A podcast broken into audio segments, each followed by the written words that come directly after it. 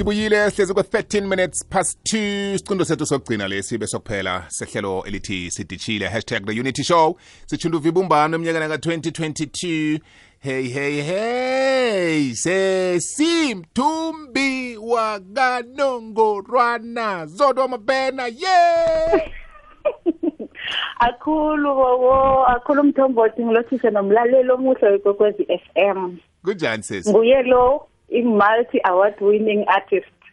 Ngivukile kwehla Mina khona. ninjani, Mthombothi? sikhona sikhona sikhona. Iye. yazi yazi ngifuna ngifuna ukuthola umuntu okuthungelako kesinye isikhathi. Umuntu umuntu ongibathisako lo umuntu umuntu ngibani kuhle kuhle? Ngupule upule thiz ubuya ngapha ngemathirini undinze ngepitori. Ah bona usepitori nami ngihlala epitori. Uh, ngiyokuba- zokuhlanganisa naye. Yo- yo- Mthombothi, yo- zokuhlanganisa. yazini ngo-2020 Akunangenye indlela. 2024 akunamuntu ozakungibatha njengami. Never. Oh 2023 bobo. Oh 2023 ya hayi Phela- eh, ukuthi phela- zabe sekudlulelele ngale ngo-2024 ke. Ya no ay no yazi uyakumbathisa ngifuna ukuthi ukukhuluma iqiniso inthombe zakho evane ngizibone kuma-social media eh zihle umuhle nestage umuhle. Namhlanje ngikumeme ngaphakathi kwekulumo yethando.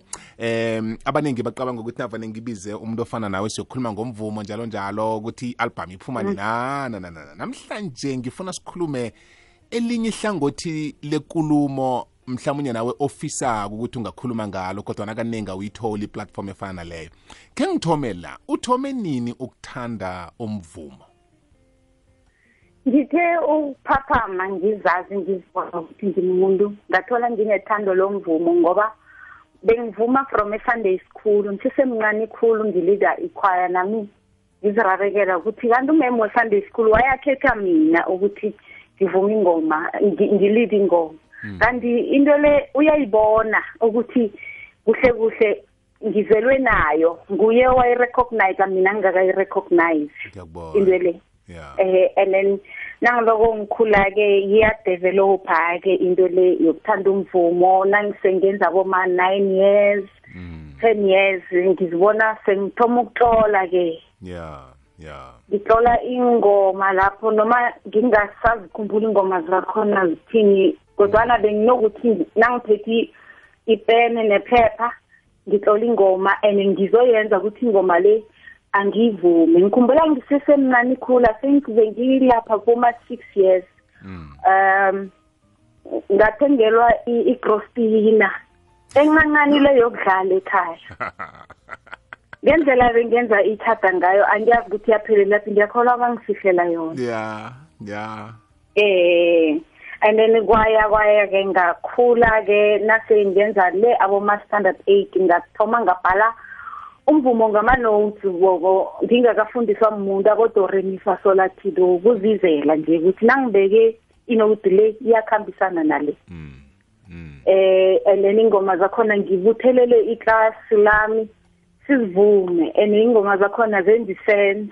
Mm, nami ngizwe ukuthi ingoma le yenza isense and then ngaba nethisakalo ukuthi no into bengiyo ngifuna ukuthi ngiphile ngayo ingiphilise nangiqeda i-matric fanele nangifedara my studies ibe ukuthi ngiwo umvumo alright. Kula nga- ngaya khona etertiary ngafunda umusic ke Mm, mm, ngiyabona Eh.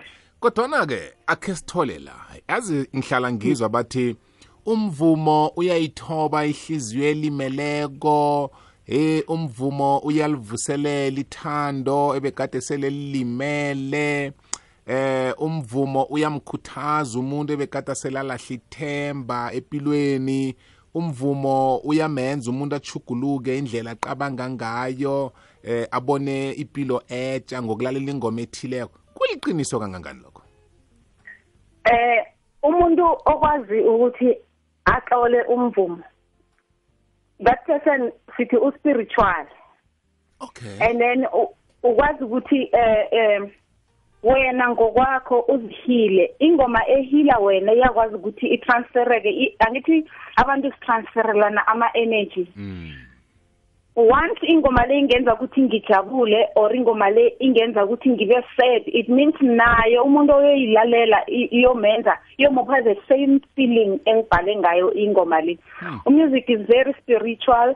Abantu abaningi bayaphola ngomvumo abantu abaningi ama relationships ayamendeka ngomvumo abanye bajike kuziphanyekeni bobo. Hmm, hmm. bathi bayoziphanyeka mara athi asese lapho athi uvulela umhajo ulile ingoma leyo ethi ungakwenzi lokho you still have another day to live mm. lisa ubona ukuthi ikusasa lakho likuphatheleni and then ama musician bana this thing yokuba prophetic mm.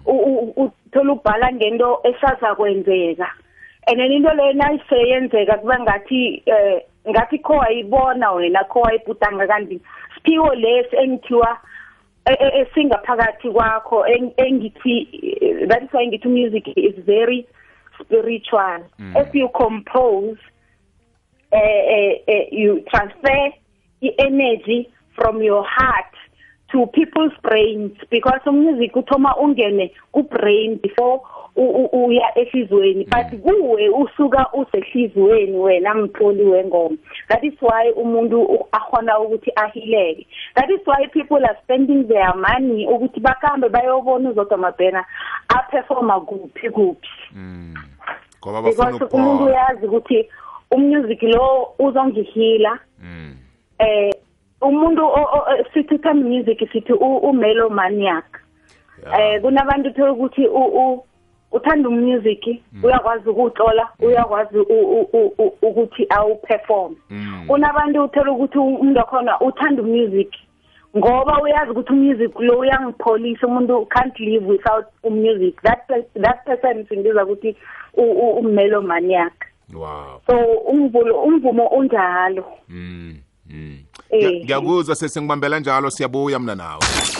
Mlaleli wekwekwezi fm imidlalo yebhigiri yephasi ithinda ukuhamba kwamahlelo ngendlela ejayelekileko.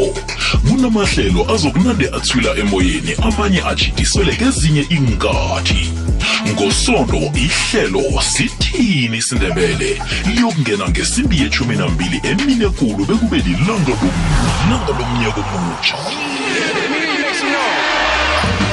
ihlelo labavumi kuthaba nathi lizobuya ngelanga lokuthoma lomnyaka omutsha.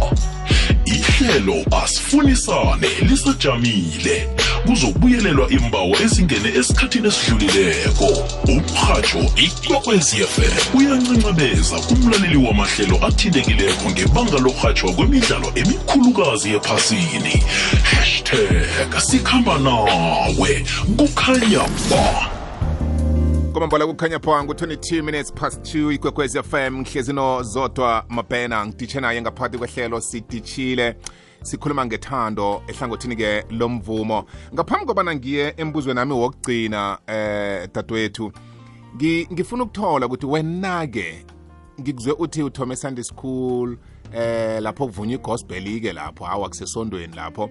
Eh waya wakhula khula ke wathoma wahlukanisa ukuthi oh sekunabo R&B sekunabo jazz kunabo afro pop njani njani. Lakho ithando lachigamela ngakuphi?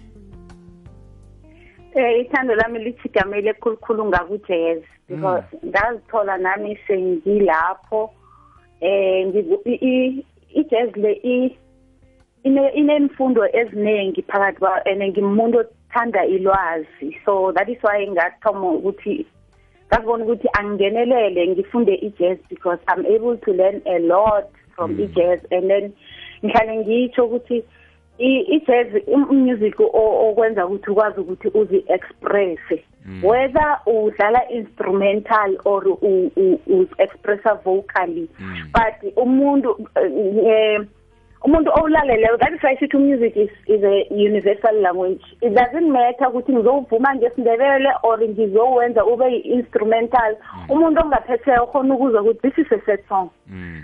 uh, because it's jazzy omunye akhona ukhona ukuzwa ukuthi this is a happy song because it's jazzy mm. uzwa ngokuthi the person who's playing an instrument or the person who's singing is very expressive wow mm. Hey ya mna ngiyazibuza ukuthi ngithanda uphi umvumo nabangathi naba ngathi nje khe ungena estudio bobo um kusikhuphele hey mhlambe angazi. Kodwana mina bobo ngithanda woke umvumo. Oh ya ya no siyafa- siyafana mna nawe. No no no ngifana nawe ngifana nawe ya iye sinawe uya uya melomaniac. Ya no ya nethi sekuthi sekunalapha kubhalabhala khona man. Nakhe ngilungise lapha ngizokulungisa ngizokulungisa ningibekezelele. Manje sesi kungitsheleke em wathoma khe ngibonge khe ngibeke so u- u- uyibona njani into yokuthi kufanele uthande umsebenzi owenzako ukwenzela ukuthi ukunikele lokhu okudingako? Ukuthanda into oyenzako uyiphendule kube yibhizinisi eh kuba ngathi awusebenzi because into leyo uvuka unayo. Akuse- akusiyinto okose ukuthi ucabange ukuthi fanele wenzeni and then fanele uz- uzikhumbule ukuthi okay ngoba into le ngiyayithanda and then akukho khunye engingakwazi u- ukukwenza Ang- a- njengami nginguzodwa mabhena. Angiboni ukuthi ngingahona ukuthi basho ngiyokuhlala e-ofisini eh, monday to friday from 9 to Hey, 4 because ingqondo yami i- ihlala isebenza ngaso sonke isikhathi Yeah. ngihlala ngicreate. Ya so uh, now realize ukuthi okay it means fanele ngi- now realize ukuthi ungiyo into leyo fanele uthene into leyo into business ikwazi ukuthi ikugeneratele i- i- income. So eh fanele uzazi ukuthi okay this thing fanele ikwazi ukuthi ingiphilise and then start wenze ama research ukuthi ngingangenelela njani this industry of music ukuze nami kusasa kube ne revenue out of yona. Ngingathatha maphi ama channel indlela engingazithatha ngiziphi? Ukuthi nami ngikwazi ukuthi ngiphile ngaphandle kokuthi ngivuke ekuseni ngikhambe ngiyokuba se-ofisini from 9 to 5 wow. Yazi amagama akho wokuthoma kilombuzo engobuzileko ngiwathandile nawuthi nawenza into oyithandako awusazizwa njengomuntu oya emsebenzini. Iye. Ngombana ilanga nelanga uzibona wenza into oyiphilelako. Eh ungibethile lapho njengami Monica. nje eh, mthombothi impilo yami i-revolver around music. Mm. Ngiyaperforma ngiyatlola ngitlolela nabanye abavumi ngiyaproducer Yeah. ngifundisa umvumo Yeah. nginesikolo somvumo. Yeah. yonke into yami imvumo. So into engihlezi phasi ngayicabanga ngathi ngoba into le ngiyo ngikhona ukuyenza and ngiyenza 100 percent Wow. angenze ukuthi generate income. Wow. Wow. Wow. Ntwana ekhaya bakulandela phi nabakufunako khe sibatshela ama-social media platforms wakho woke la utholakala khona. Eh ku Facebook nguzodwa Mabhena. Ku ku Twitter zodwa Mbuduma. Ku Instagram @zodwa.mabhena eh 7 ya and then my email address is zodwamabhena@gmail.com. ya ya ya Nama bookings avulelekile. ene sikhuluma nomvumo phethe unongorwana la sikhulumi nomvumo omunye Eh umthombothi ngithethe unongorwana ngamalanga ngiyazibuza ukuthi hawuzimu vele ukhethe mina ukuthi bengimi mm. owuthola kunongorwana lohlangana nabavumi abaningi kangaka ene kwatholakala ukuthi lokhu akuthoma ukwenzeka uzimu uhlala akhetha mina kusho ukuthi kibo boke abonongorwana engibangenelako uzimu uhlala akhetha mina ukuthi wena ngizokuthumelela abantu bazokuvotela ukuthi umthole unongorwana lo. Ngithi labo.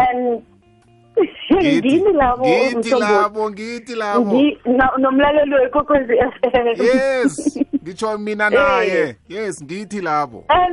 Bobo ingenye indlela because eh, um since 2016 since ngi- ngi- ngifundisa umusic since ngo 20 ngathoma ukufundisa umusic well kadenyana.